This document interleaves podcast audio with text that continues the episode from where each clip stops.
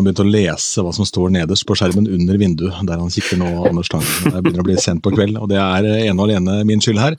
Velkommen til Grand Prix-podkasten, nå med Ronny Bergersen og Bowling Terminator. Det kommer ja, vi tilbake til, Anders. Ja, for eh, la oss eh, ta Vi skulle egentlig tippa for en eh, ja, snau time siden, men jeg Fikk vite i dag at jeg tydeligvis eh, da også denne uken skal jobbe mer eller mindre 100% for NRK. Det sto ikke i noen vaktplan, men nå er folk tilbake på jobb. Så det var, det var et ønske om det. Eh, og da satt jeg og forberedte meg hjemme, og så hadde jeg liksom ja, Skal jeg stikke inn og lage noen sånne nattradioting i dag, eller gidder jeg det? Og så fikk jeg litt sånn ånden over meg, eh, og så dro jeg inn, og så kom jeg da dette dødsfallet til Olivia Newton-John mens jeg da satt i studio, og så tenkte jeg ok, jeg får i hvert fall gjøre noe rundt det, altså når jeg har det ferskt her. Uh, og da ble jeg litt forsinka, sendte jeg en melding på det. Og så er det jo sånn at disse studiene er lydtette, og det er også en ekstra sluse, så det er en gang jeg går igjennom før jeg kommer ut i hovedgangen på en måte da på Marienlyst. Og Idet jeg åpner døra fra studioet ut i den gangen, så hører jeg en sånn voldsom summelyd. Det er noe sånn Ja, det, det blåser på en måte utafor. Dette har ikke jeg hørt inne i studioet. Det er en maskin av noe slag. da. Eh, det høres ut som en høytrykksspiller som står og holder på der. Kan voldsomt. jo være det. Kan jo være det er tepperens, da. Det er tepperens, ja. Tepperens, ja. ja, ok. Ja, ja. ja vel. Fire-fem mann som holder på med noe voldsomt rabalder. Det er vann, og det er noe sånn Det ser ut som de driver og har i hjel eh, sånn uh, ugress uh, og opplegg. Så da var det bare å snu der, da, for jeg skal ikke tråkke opp i det opplegget der. i hvert fall. Ja, skal ikke dere bare flytte ut derfra, da? Så det er vel egentlig ikke å rense tepper og sånn, det er vel bare dumt, det. Rett før visning, liksom det skal vel bygges noe nytt, så tenker jeg. Så det tar vel, tar vel litt Overtakelse. Ja, det tar vel litt tid, kanskje. Jeg vet ikke hvor ofte du støvsuger hjemme hos deg, men det kan jo være greit ja, å gjøre ny og ne. Nei, altså, det var, Da ble det en 25 eh, minutters eh, venting på tepperensen, så jeg slapp å på en måte gå eh, og hoppe sånn paradis ja, men jeg skjønner det. det er, og det er helt i orden for meg, fordi at jeg uh, har nettopp kommet hjem fra en sånn fire eller to dagers tur, hva ble det vel faktisk egentlig, til Nord-Norge. Eh, så jeg kom hjem i dag, så det var greit å bare få summa meg litt. Så det er helt i orden, sitte her, men jeg måtte ta meg kaffe, da, for å holde meg våken såpass seint. Men det går bra, det. Klokka er snart elleve. Ja. Er lov. Men uh, la oss ta noen ord om din uh, skills i bowling, da. Bowling-terminator. Ja, nei, men altså, det, det var uh, det, det, var stor idrett. det var altså så dårlig vær i Nord-Norge.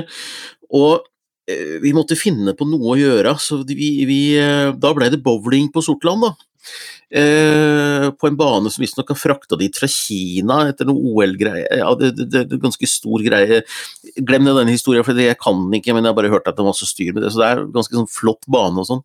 Så vi tenkte for, å ta med familien dit da, og spille bowling. Jeg holdt jo på med det litt sånn bare for moro skyld, med øla i den ene hånda og bowlingkula i den andre på 90-tallet.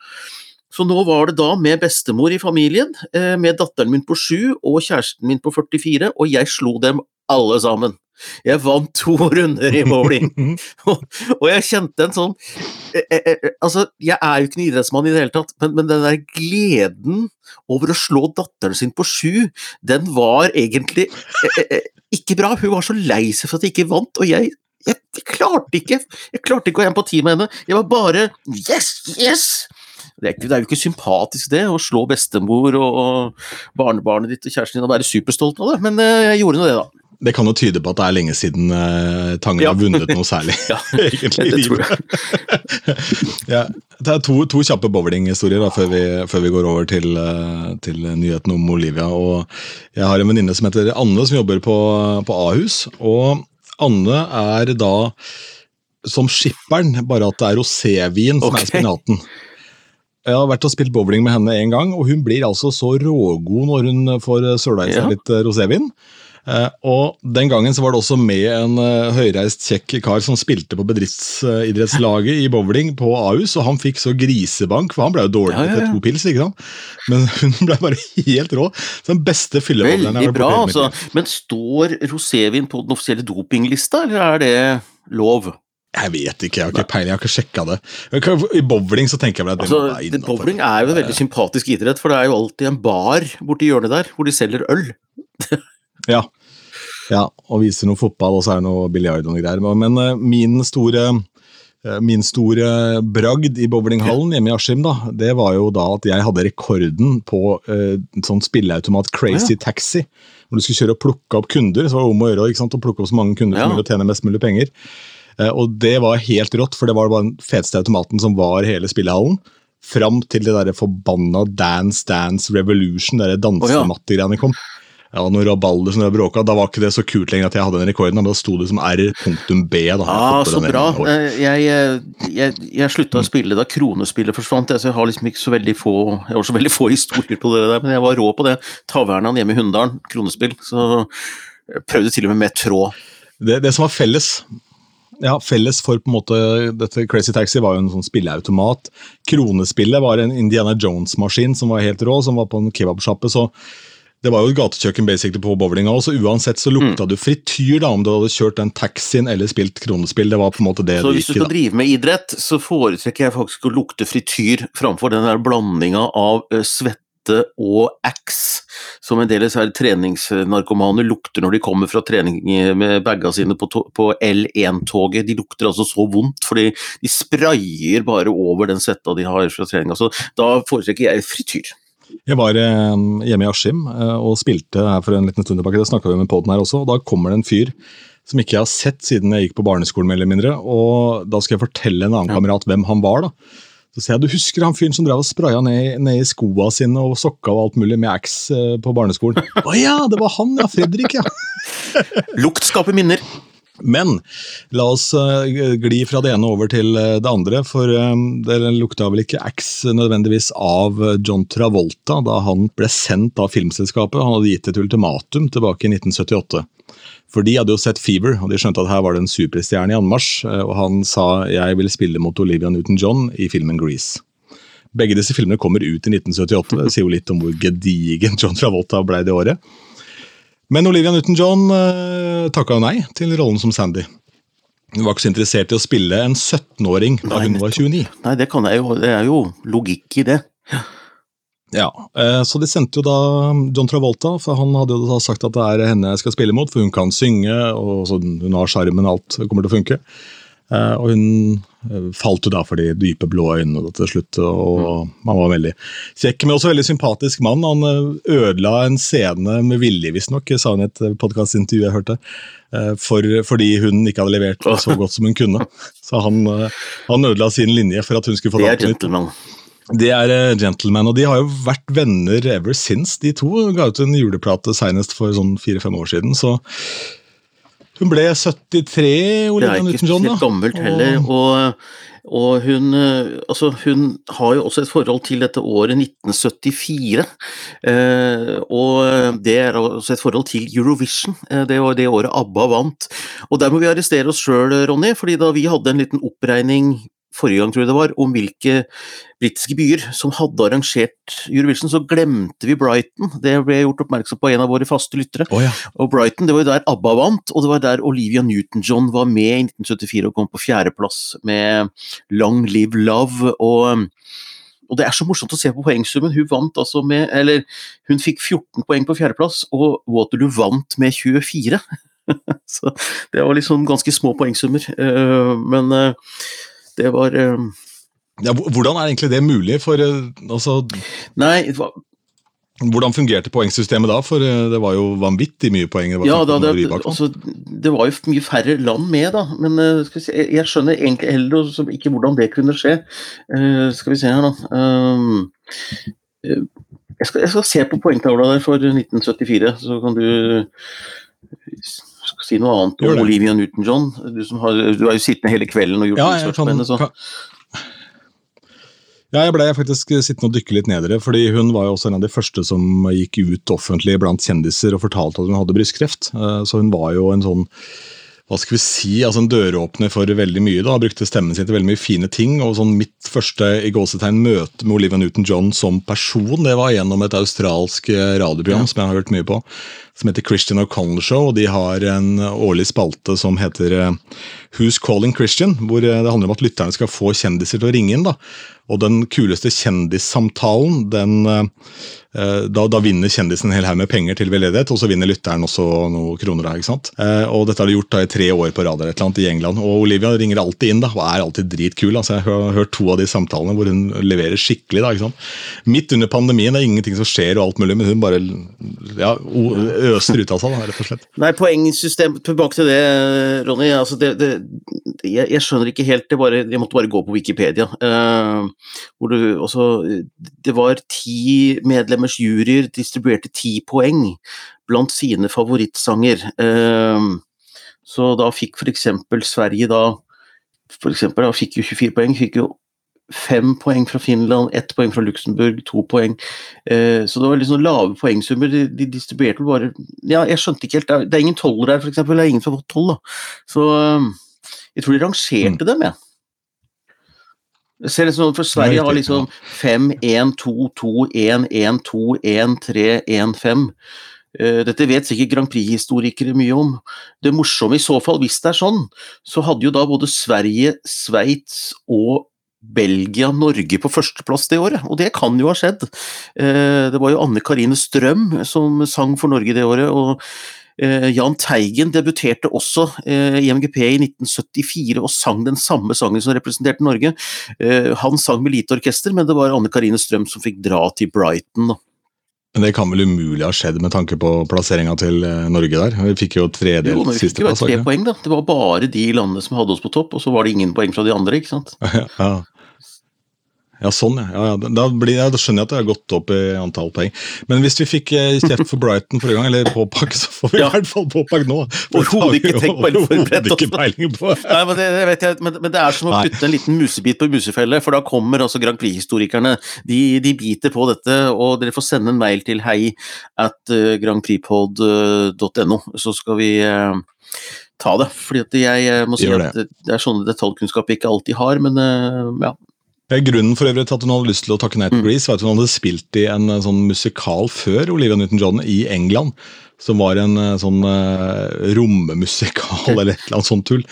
Uh, som hadde vært helt ræva. Så hun var uh, fryktet da på en måte å gjøre musikaler igjen, da. Men det, jo, det er jo en av de største filmene gjennom tidene, og det er en av de største soundtracka. Men 74, eh, ja, for Hun hadde en ganske formidabel artistkarriere altså som, som, eh, som, sanger, gående da hun på en måte ble filmstjerne. Ja da, og Hun var jo australsk, kalte seg australsk, og født i Storbritannia riktignok. Så hun hadde jo litt sånn country-schwung over det hun egentlig gjorde sånn i utgangspunktet, tror jeg. Og så kom Eurovision, eh, og gjorde det jo brukbart der. Eh, og det var på den tida da Storbritannia tok det litt på alvor. og Det morsomme var at da, da de arrangerte i 1974, så var det jo ikke fordi de hadde vunnet i 1973, for det var Luxembourg som vant i 1973 òg, og de vant også i 1972. Så da, som i år, så ja. var det da Storbritannia som fikk i oppdrag av EBU å arrangere finalen. Så uh, det er noen paralleller her, altså, som er uh, Og så var det noen morsomme politiske utslag i den der finalen 1974 med Olivia Newton-John og gjengen der. Uh, det jeg husker best, da, for det, det, regnes som det året da politikken virkelig kom inn i Eurovision på en del morsomme Eller litt sånn fun facts-aktig, fordi Italia blant annet, de hadde en låt som het Si, altså ja, og de skulle ha en folkeavstemning om skilsmisse. Jeg vet ikke helt hva spørsmålet var, men det kan ha vært om det skal bli lovlig eller jeg vet ikke. Altså, men det var et spørsmål om skilsmisse, og den skulle være noen dager etter finalen, og da kunne de ikke da følte ikke de at de kunne delta med en låt som het Si, altså ja, for da uh, tenkte de at det ble et innspill i den uh, diskusjonen der, og det var uh, I Portugal så var det en stor streik, og der var det noen demonstranter på, på scenen, og Nei, det, det ble litt sånn det var, det var, mye litt sånn politisk støy rundt 1974-finalen, og, og, og, det er jo litt morsomt å se at enkelte finaler og Eurovision særlig fra 1974 utover, begynte liksom å påvirke samfunnet rundt seg. da. Ja, fra bare være et sånt underholdningsprogram, så blir det noe mye mye mer. da, ikke sant? Og det er jo helt åpenbart at ja, særlig i år så har det vært veldig synlig. Det har vært en skikkelig agenda. Og apropos uh, avstemning, da, kan du ta med en sånn liten sak her som jeg fant i Express Co UK, som vel kanskje er ekvivalenten til Nettavisen i England. Eh, hvor de har eh, hatt en liten poll gående, da, hvor de har spurt leserne om eh, UK skulle hoste Eurovision, og der er det 1233 som Ja. har svart da, på en eller annen periode. Og hele 76 Ja, svarer nei. da. Men, men, men det er Sånn er det. Og på Nettavisen, hvis du spør om Norge skal arrangere Eurovision, du får ikke flertall for det der heller. Vi snakker pride, liksom, mye. Jeg- Får man flertall for noe som helst på Nettavisen, tro? Ja, jeg vet ikke. Uh, Jeg tror ikke det, altså. Burde bensin vært billigere? Ja, ikke sant? Altså, Det er kanskje ja, du får ja på det. Uh, mm, kanskje. Nei, så det, det, det morsomme var at EBU tar jo liksom dette på alvor også, da, i forhold til hvordan, hvordan Eurovision virker på samfunnet rundt seg. Så de kom med en ganske sånn stor rapport som er fullt mulig å laste ned fra Eurovision TV, altså EBUs sider, linka inn til der.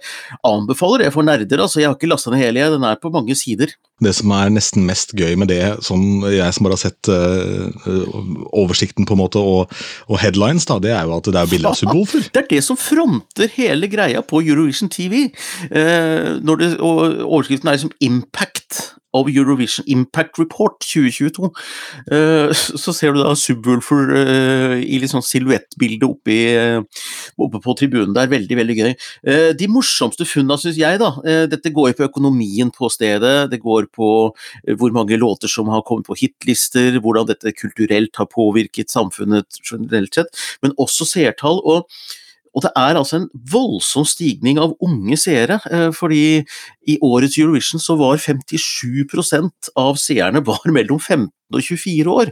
Og det er jo underlig når, når man ofte Mm. får kritikk for at dette her er noe som bare gamle folk følger med på fordi det er en dinosaur fra gamle dager, men, eh, men de har jo begynt nå å regne med seere som også ser dette på YouTube, og det var 168 millioner som så det på TV, og på peak point, altså på høydepunktet på YouTube-seeringa, så var det 75 millioner unike brukere innom.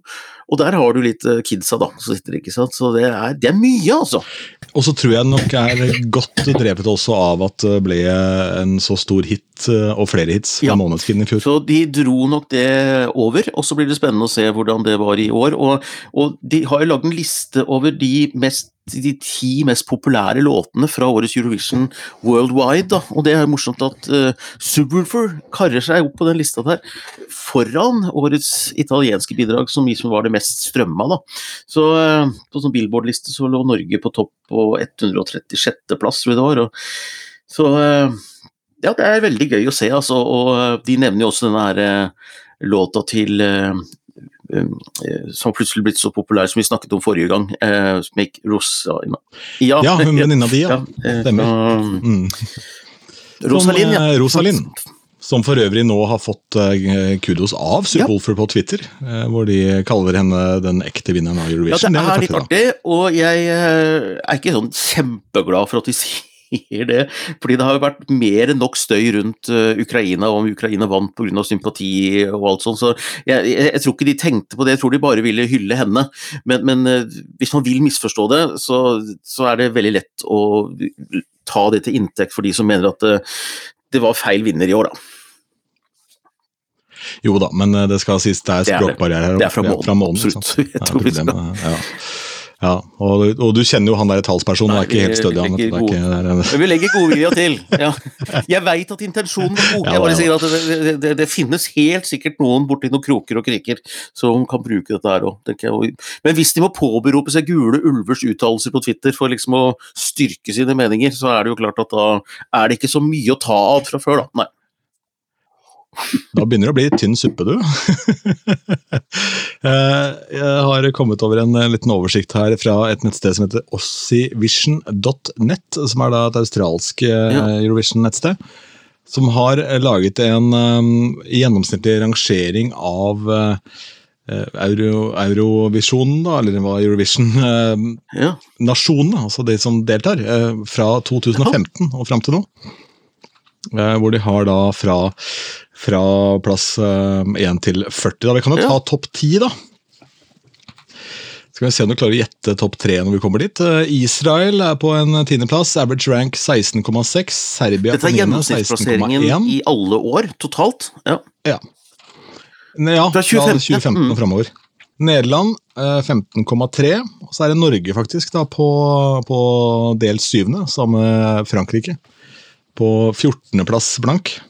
Eh, men da har vi jo da selvfølgelig siden 2015, ja, ikke sant. Eh, men da har vi jo fått da hjelp både av eh, Subwoolfer, selvfølgelig. Og, um, og um, ikke minst Keiino, som vel også Ja da, gjorde det. Og vi, vi har jo ligget brukbart an, men hadde vi liksom begynt enda litt tidligere, så hadde det sett enda bedre ut med fjerdeplassen til Margaret Berger. Det er jo den beste plasseringen. Eh, Det er den som står, da. Ja. Ingen som har gjort det bedre enn Margaret Berger i 2013. Eh, Så eh, Men, men jeg tror, hvis du regner fra en gang på 90-tallet eller noe sånt, mener jeg det siste jeg leste, så ligger vi på en sånn gjennomsnittlig sånn åttendeplass, tror jeg. Uh, Totalt. Ja, hvis du tar med flere Mm. år, da. Femteplassen er Bulgaria, 13,8. Og så er det, det er sikkert derfor de har tatt med den saken her, for Australia er helt oppe på fjerde, uh, med 13,4. Men her er det vel også snakk om hvor mange ganger man har deltatt. Har de deltatt hele veien siden 2015? Altså, Australia Nei, nei. Australia. De uh, begynte vel i Jo, det ble, Ja, det ble med derfor de, har- 2015. derfor de har regna fra 2015, antakelig. Mm. Faen, de er ikke idioter, de som har laga den her. Nei, det gjelder å ta altså. riktig utvalg. Men det er et topp. Ja, topp tre, da. Nei, jeg, jeg, jeg, jeg vet ikke. For det, det du, hvis du tar med forskjellige år, så kan det forandre seg litt. Men, eh, så jeg vet ikke akkurat rangeringen. men Jeg vil tippe at Italia er en av de tre, Uh, hvis du tar disse siste årene her. Ja, og Sverige, selvfølgelig. Sverige, selvfølgelig. Uh, Men tredjeplassen er faktisk Ukraina. Ja, det er det. Mm. Jo, det stemmer jo det. De har Mm. vunnet i den perioden. 9,6. Ja, ikke sant. Ja, sorry. eh, Sverige på 5,9, og Italia da på 5,6. er Ganske tett her. Apropos Sverige, du. Eh, nå er jo datoen kommet for eh, Sverige. Juhu! Surprise, surprise! Og de, de slår med pauker og basuner når de lanserer datoene sine. ikke sant? Men det har jo vært det samme nå i sikkert ti år, så er det andre helga i mars. Det er alltid andre helga i mars. Det vet alle. Alle fans som skal til Stockholm, de bestiller seg hotell. eh, i andre helga i mars. Det, er ikke noe Men, men. Det, er nå bekrefta nå da at det skal første delfinale i Göteborg eh, 4. februar, og så blir det finale i Stockholm eh, 11. 11. mars. Og, så eh, det blir spennende. Og, og, og nå begynner jeg å komme i den posisjonen, Ronny, at nå begynner jeg å høre ting om neste års MGP som jeg har fått beskjed om ikke å snakke om til noen. Så nå begynner jeg å komme i den der mm. eh, situasjonen der, og når vi sitter og rører her klokka 11 på kvelden, så, så, så, så står jeg liksom fare for å liksom si ting jeg egentlig ikke har fått lov å si. Da. Så jeg kan jo bare nevne at eh, jeg, jeg, jeg, jeg gleder meg veldig. Eh, jeg tror dette blir stort, jeg tror det blir bra. Ja, jeg tror det blir stort, jeg tror det blir bra, bra for å si det sånn. Mm. Estland uh, har bekrefta Ja. at jeg er med, skjønner jeg. eh, Ifølge en sak her. Ja, det, det er de underligste nyhetene som kommer hvert år. Det er liksom at, eh, at det kommer egne nyhetsoppslag om at Sverige skal delta i Eurovision. Altså, de, de, de fleste land deltar i år for år, men det er jo det er koselig å se disse milde påmeldingene tikke inn, men det er jo ikke noen bomber. Bortsett fra at i år blir det spennende, sånn apropos eh, impact, eh, om Kosovo. Det har jo begynt å tilpisse seg på grensa mellom Kosovo og Serbia litt grann også. Mm. Og det var snakk om at Kosovo eh, har søkt om medlemskap i EBU, og at de har lyst til å være med i Eurovision som egen stat. Og det vil jo ikke Serbia bli så veldig begeistra for, så det er mulig vi får nok en sånn, sånn urolighet inn, da. Men eh, jeg syns det er gøy med nye nasjoner, jeg, så får andre ta seg av politikken. Men eh, det har vært morsomt med Kosovo. Eh, Kjør på. Ja, absolutt. Helt, helt enig. For the more Ja. the merrier, tenker jeg. Uh, uh, uh. Jo, det er sånn at uh, den belgiske bidraget i Eurovision Song Contest fra Rotterdam, uh, som var da Ja, ja. Hooverphonic, uh, nå er da med i en sånn safety-video om bord på fly for Brussel Airlines. Jo, jo, men gjenbruk. Det er Ja. There's a safety briefing card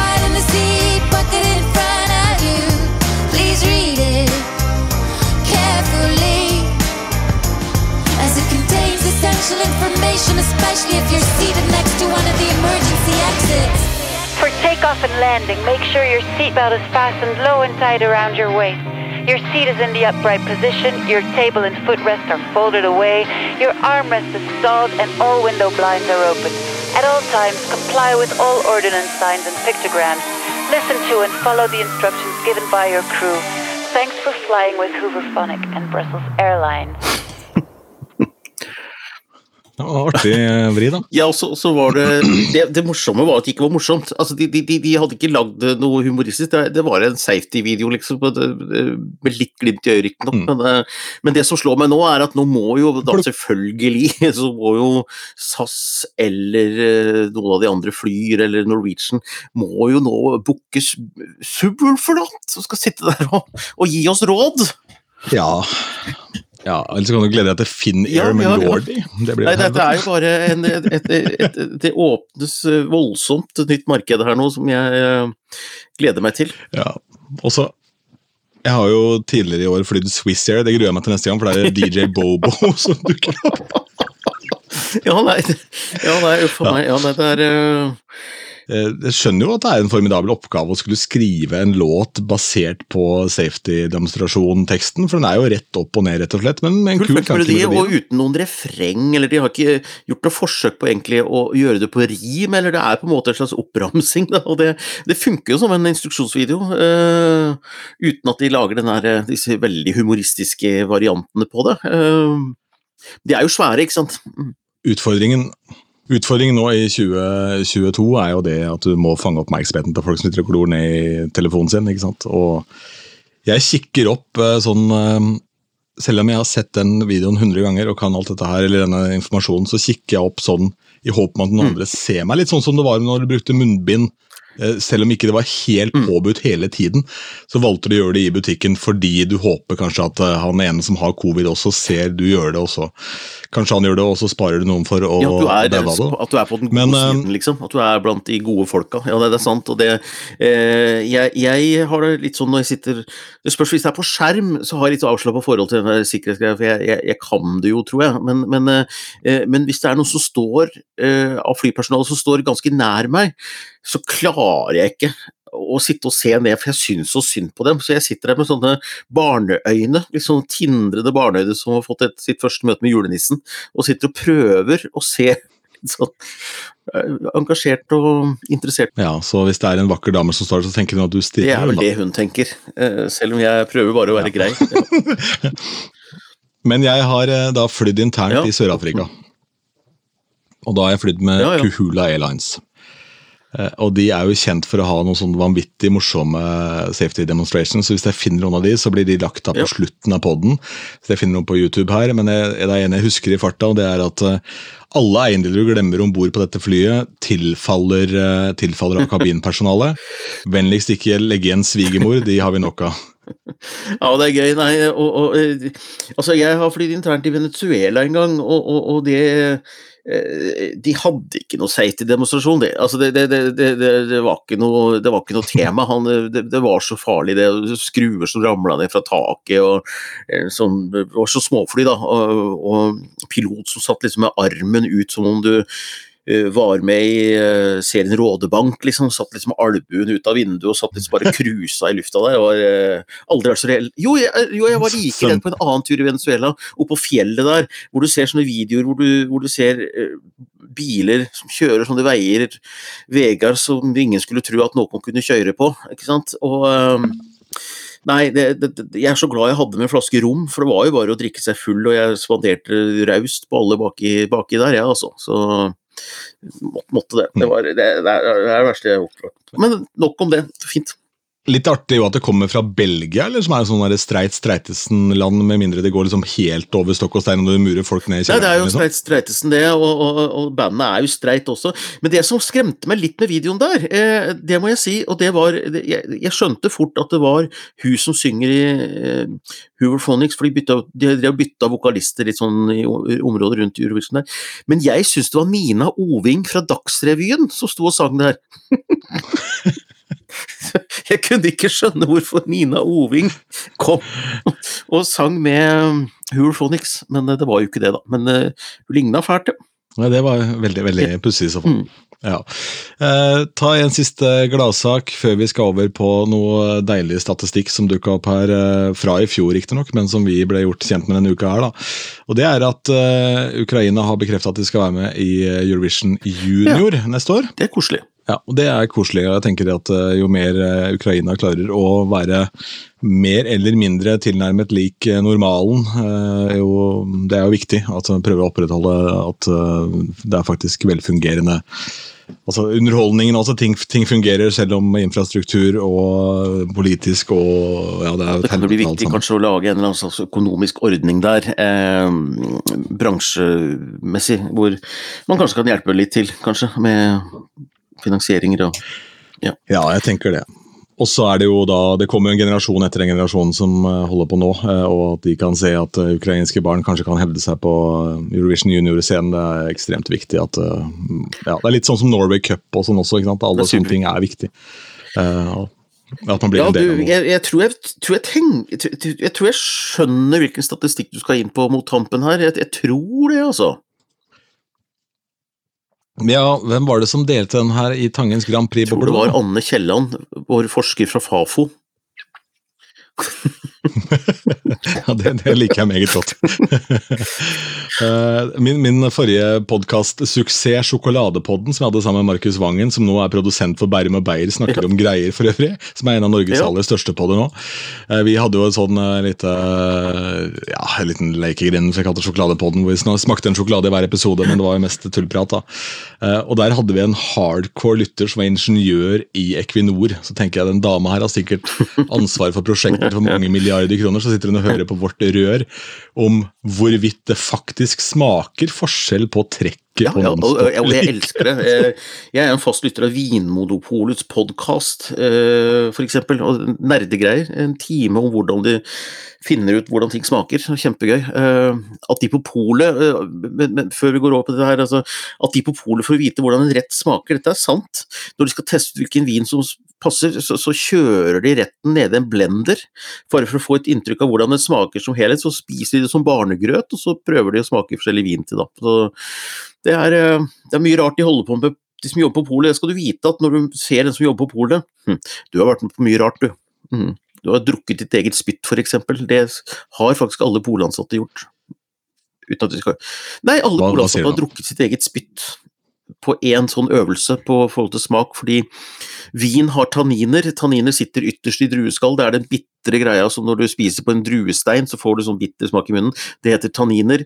Og, øhm, og for å teste hvordan tanniner reagerer med spytt, så skulle de da holde vinen i munnen, spytte den i glasset, og så skulle de drikke det igjen for å se hvordan det smakte etterpå. Da har denne tanninen dempa seg fordi spyttet har dempa det. For at de skal erfare det, så må de da gjøre det. Så de, alle, på, alle på polet har drukket sitt eget spytt, ja. Ja, riktig. Ja, men det er greit å notere seg, da. Um, så spennende, da. Um, men eh, jeg var, jeg var i Italia og møtte på en fyr som eh, drev med honning. og Han hadde på en måte litt sånn, eh, sånn vindyrkertilpasning til honningen. da. For Han mente på det at hvis du flytta bikuben bare en meter til høyre, eller 20 cm til høyre, um, så ble det en helt annen smak på honninga. Og så ble han veldig brydd av at bikkja hans klødde veldig i rumpa. Den gikk og drassa rassa etter seg på, med potene. og det syntes han var så pinlig. da. Han er italieneren som kunne et ord, eh, et ord engelsk omtrent. Men det var nå en avsporing her. Men uh, la oss hoppe Ja. inn i det med det samme her, da. Ja, La oss ta Italia, da, som stakk av med seieren i Eurovision i fjor. da. Der var det jo nedgang i trafikken på nettstedet Pornhub, da, som om du skulle være i tvil er verdens største hub for ja, For det er, det er statistikken vi skal Eh, inn i nå. ned... Ja, det er det rett og slett. da. Og Her eh, handler det om eh, prosentvis endring i trafikk i perioden 21.00 Ja. til midnatt, sammenlignet med en vanlig dag eh, da Eurovision da pågikk. Og minus 10 da, eh, i trafikk for Italia, så det er sånn midt på treet. Det er ett land som har økning Ja, i hvorfor- trafikken. Hvorfor, ja, hvorfor gå litt sånn ja, Hvorfor heller gå litt inn på Pornhub, ja. Mm, ja. Ja, eh, Malta eh, er de som da har sett mest på Eurovision og bedrevet minst eh, løknapping i denne perioden her. Minus 34 Eh, hvordan gikk det med Tix? For det var jo, Dette er statistikk fra 2021, og det var Tix som var på scenen. Hvordan Nei, Det måles jo ikke sånn. det er ikke sånn, nei, det kan ikke, kan ikke si det sånn, det blir feil spørsmål.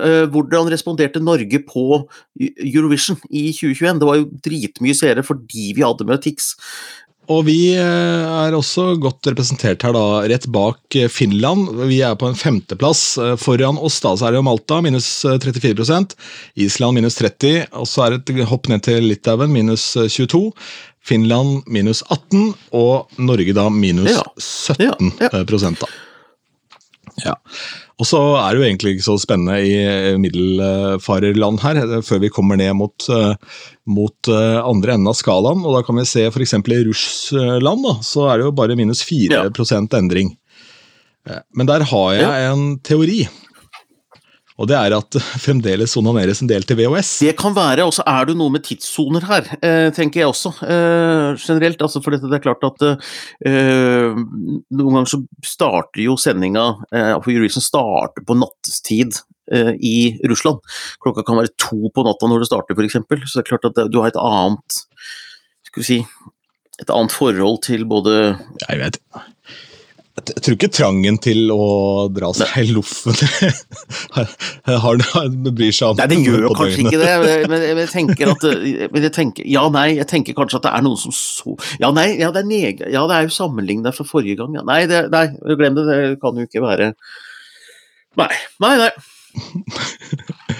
Nei, det er greit. Ja, Men det, det er den det jeg sitter og som spent på, som, har- som, Ja, vi kan også ta med Sverige, da, for Sverige er nest sist på en liste her. Da var bare nedgang på minus 1 Eh, Så der tenker jeg at jeg har kjørt en kombo, men det er nå så. Um, og så er det Israel, da, hvor det rett og slett har gått opp. Mm. Det er flere som velger å besøke, porn. besøke, Pornhub Mm. enn Eurovision. Til tross for eh, Ja, nå husker jeg ikke hva som var med av flotte bidrag i fjor, da, men eh, Nei da, det var, eh, det var, var, mye greier da i 2021, men, men det var jo litt sånn det var litt sånn mellomår, følte jeg da. året det. Ja. Så, så det blir morsomt å se tallene på for så vidt det. 2022, tenker jeg, for da var vi liksom i da var vi full fart i gang. Ja, det tenker jeg også. eh, Og det som eh, er, eh, er litt gøy med eh, tallene for 2022, er jo det at da er det et normalår. Du må huske at i 2021 så hadde kanskje folk sittet hjemme og nappa den løken litt Mm. vel mye eh, over lang tid. da. Så kanskje ikke det var det store behovet. Det ble veldig spennende. dette her. Men det er som du sier, Ronny, det er jo et fantastisk markedsføringsprosjekt for Pornhub, dette her. fordi Hvis du ikke har hørt om Pornhub før, eh, så, så er det jo Vi sitter og snakker nå om Pornhub i Grand Prix-podkasten.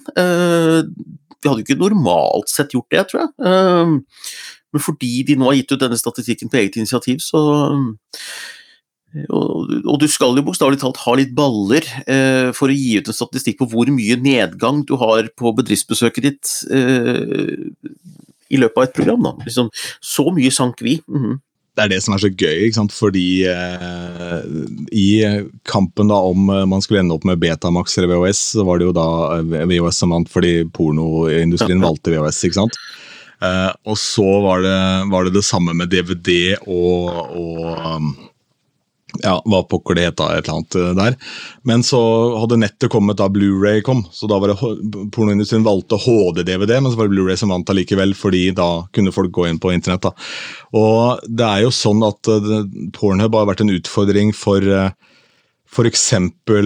etablerte TV-kanaler også, for de har lekka episoder av Game of Thrones. og sånt. ikke? Fordi på, på YouTube så går det jo rett ned, mens på Pornhub liggende blir det lenger, oppe. ja. Så, ja, men når det skal sies, da, så har de faktisk tatt et tak. da, akkurat uh, Pornhub skal ha litt kudos for det at de har prøvd å på en måte i gåstegn profesjonalisere det. og En del av disse tingene her handler jo om å dope ned jenter, og sånn, og det er jo en helt for jævlig bransje, men de har nå et form for filter som gjør at ikke det skal bli at ikke det skal bli hevnporno som blir lagt ut uh, over en lav Det sko. er, da. Og hva skal du gjøre? Altså, det her, Verden vil jo ha det. Det er det ikke noe tvil om. nei, nei, de, Verden vil ha de, dette. de, de de vil ha dette eller Eurovision. Det er det stati- det er- Det er liksom det, er det som Ja. måles. Det er liksom ingenting imellom. ja. Bort fra Israel. De vil bare ha dette, egentlig. Nei, eh, ja. Ester Pirelli, han sa en gang, han derre Han eh, Ja, han eh, sexologen som eh, Sexologen, ja. Sexologen. eh, Som heter eh, eh, Espen Benestad, egentlig. Eh, han har jo Benestad. sagt en gang at det er mye mellom null og knull, som han har sagt det. Så eh, ja. Yes. Nei, men med de bevingede ord så sier vi takk for følget. Du har hørt Grand Prix-podkasten, og her var det mye å ta tak i. Ha det! Like folks, for the nosy types who already know, a safety features card in the seat pocket in front of you is not the menu, but it really shows you great tips and escape routes, oxygen masks, as well as flotation devices, and the most appropriate brace position that you'd adopt in case of an emergency landing. This is when we all bend over and kiss our assets goodbye. Now, if you're on board with your lover, gentlemen, and you've also spotted your skeleton a few rows away from you, you'd be placed to know that there's eight emergency exit doors on this aircraft. And the cabin crew are going to march you now. There's two doors up front, four A-wing exits, and two doors right at the back, folks. Please ensure that you do know which exit is closest to you, bearing in mind it could be behind you. These exits are marked with bright green exit headrest covers, as well as floor level lighting strips in the aisle, disco style. Yeah, Canola Chefless, in a very unlikely event of us having to have a lot of oxygen. Yeah, oxygen is going to be provided, eh? Masks. Yeah, she's going to drop them the seventh panel above your bottom left as well as the right hand side. Once the mask is dropping, woo, you grab it, you pull it down with a slight jerk, you cover your nose and mouth, and you breathe normally. We are going to ask all those passengers that are traveling with kids. Yeah, you put your own mask on before assisting with your child. But if you are traveling with more than one, yeah, you take this time to decide which one you love the most.